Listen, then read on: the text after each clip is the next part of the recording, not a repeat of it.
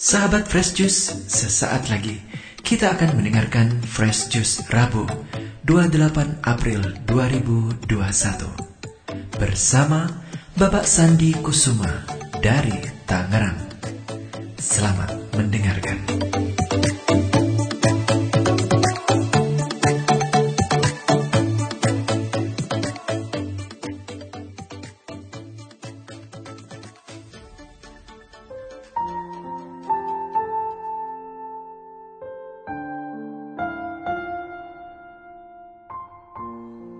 Para pendengar dan pewarta Daily Fresh Juice, hari ini gereja mengajak kita untuk mendengarkan dan merenungkan Injil Yohanes pasal 12 ayat 44 sampai 50 tentang kedatangan Yesus ke dunia sebagai terang supaya setiap orang yang percaya kepadanya jangan tinggal di dalam kegelapan. Inilah Injil Yesus Kristus menurut Yohanes. Sekali peristiwa, Yesus berseru di hadapan orang-orang Farisi yang percaya kepadanya, "Barang siapa percaya kepadaku, ia percaya bukan kepadaku, tetapi kepada Dia yang telah mengutus Aku. Dan barang siapa melihat Aku, ia melihat Dia yang telah mengutus Aku. Aku telah datang ke dalam dunia sebagai terang, supaya setiap orang yang percaya kepadaku." Jangan tinggal di dalam kegelapan. Dan jikalau seorang mendengar perkataanku tetapi tidak melakukannya, bukan aku yang menjadi hakimnya, sebab aku datang bukan untuk menghakimi dunia, melainkan untuk menyelamatkannya. Barang siapa menolak aku dan tidak menerima perkataanku, ia sudah ada hakimnya, yaitu firman yang telah kukatakan itulah yang akan menjadi hakimnya pada akhir zaman. Sebab bukan dari diriku sendiri aku berkata-kata, tetapi Bapa yang mengutus aku, dialah yang memerintahkan aku untuk mengatakan apa yang harus aku katakan dan aku sampaikan. Dan aku tahu bahwa perintahnya itu adalah hidup yang kekal. Jadi, apa yang aku katakan, aku menyampaikannya sebagaimana yang difirmankan oleh Bapa kepadaku. Demikianlah Injil Tuhan.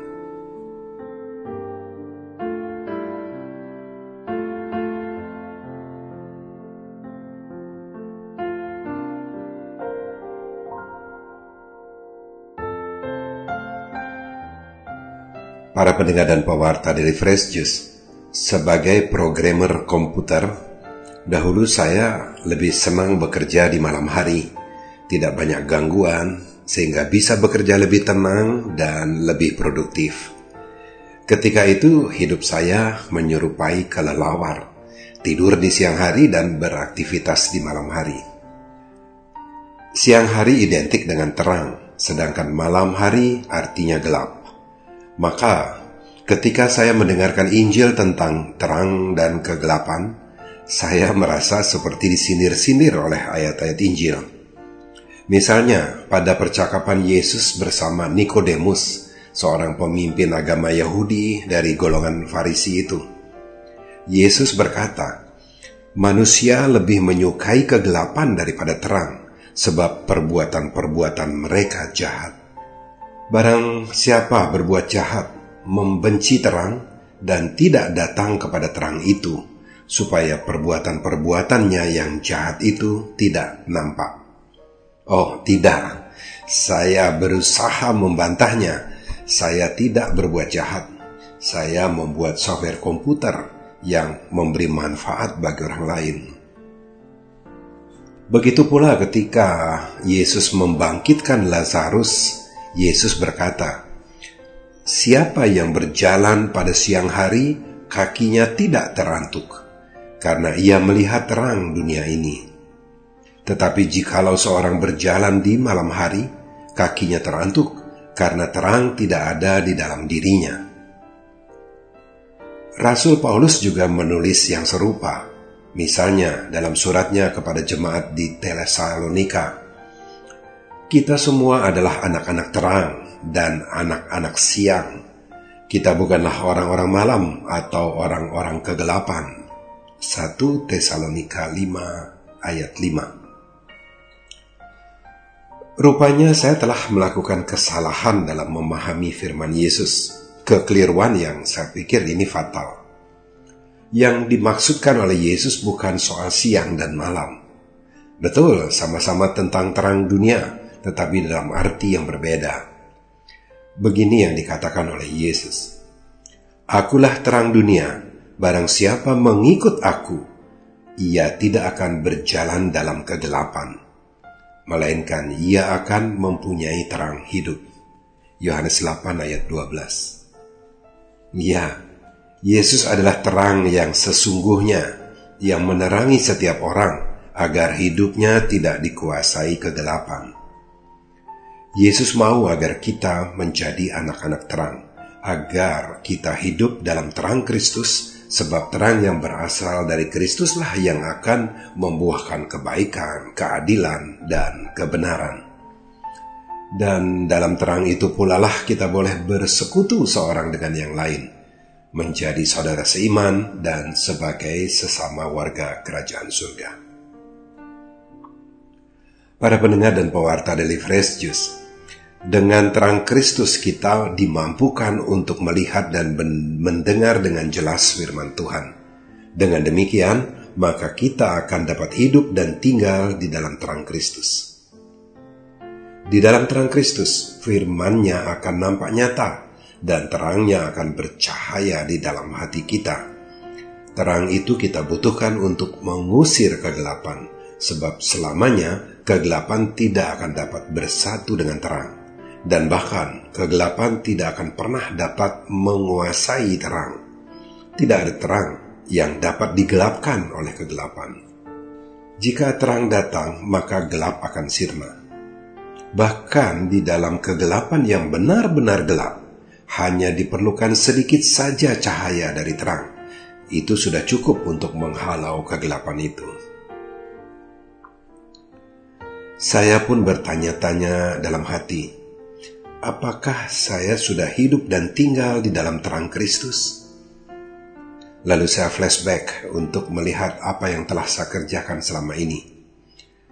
Ketika saya masih sulit mengampuni kesalahan orang, hidup saya masih gelap. Ketika saya masih saja cekcok atau berantem dengan istri, anak, atau saudara, atau ketika hati saya masih menyimpan kebencian terhadap seseorang, bohong kalau saya merasa telah hidup di dalam terang.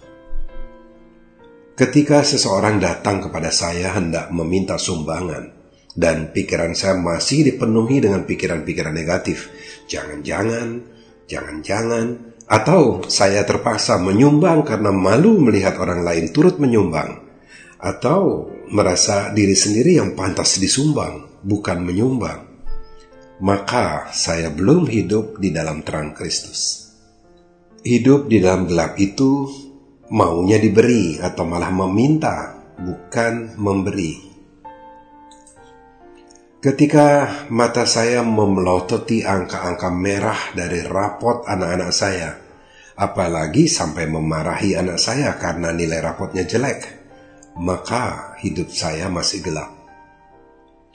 Jika terang telah bercahaya di hati, seharusnya timbul belas kasihan karena anak memerlukan pertolongan kita untuk memperbaiki nilai rapotnya. Mengapa kita lebih senang melihat kekurangan anak atau kekurangan orang lain? Masih banyak kekeliruan, kekeliruan yang saya alami dalam menjalani hidup di dalam terang Kristus. Tetapi saya tidak ingin berhenti di situ untuk mencari-cari kekeliruan lainnya. Yesus mau agar kita menerima terang Kristus juga menjadi terang dunia.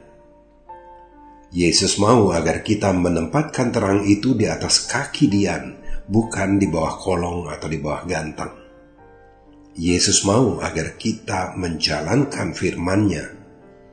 Apa yang kukatakan kepadamu dalam gelap, katakanlah dalam terang. Dan apa yang dibisikkan ke telingamu, beritakanlah itu dari atap atas rumah. Amin. Sahabat Fresh Juice, kita baru saja mendengarkan Fresh Juice Rabu 28 April 2021. Terima kasih kepada Bapak Sandi Kusuma untuk renungannya pada hari ini. Sampai berjumpa kembali dalam Fresh Juice edisi selanjutnya. Salam Fresh Juice.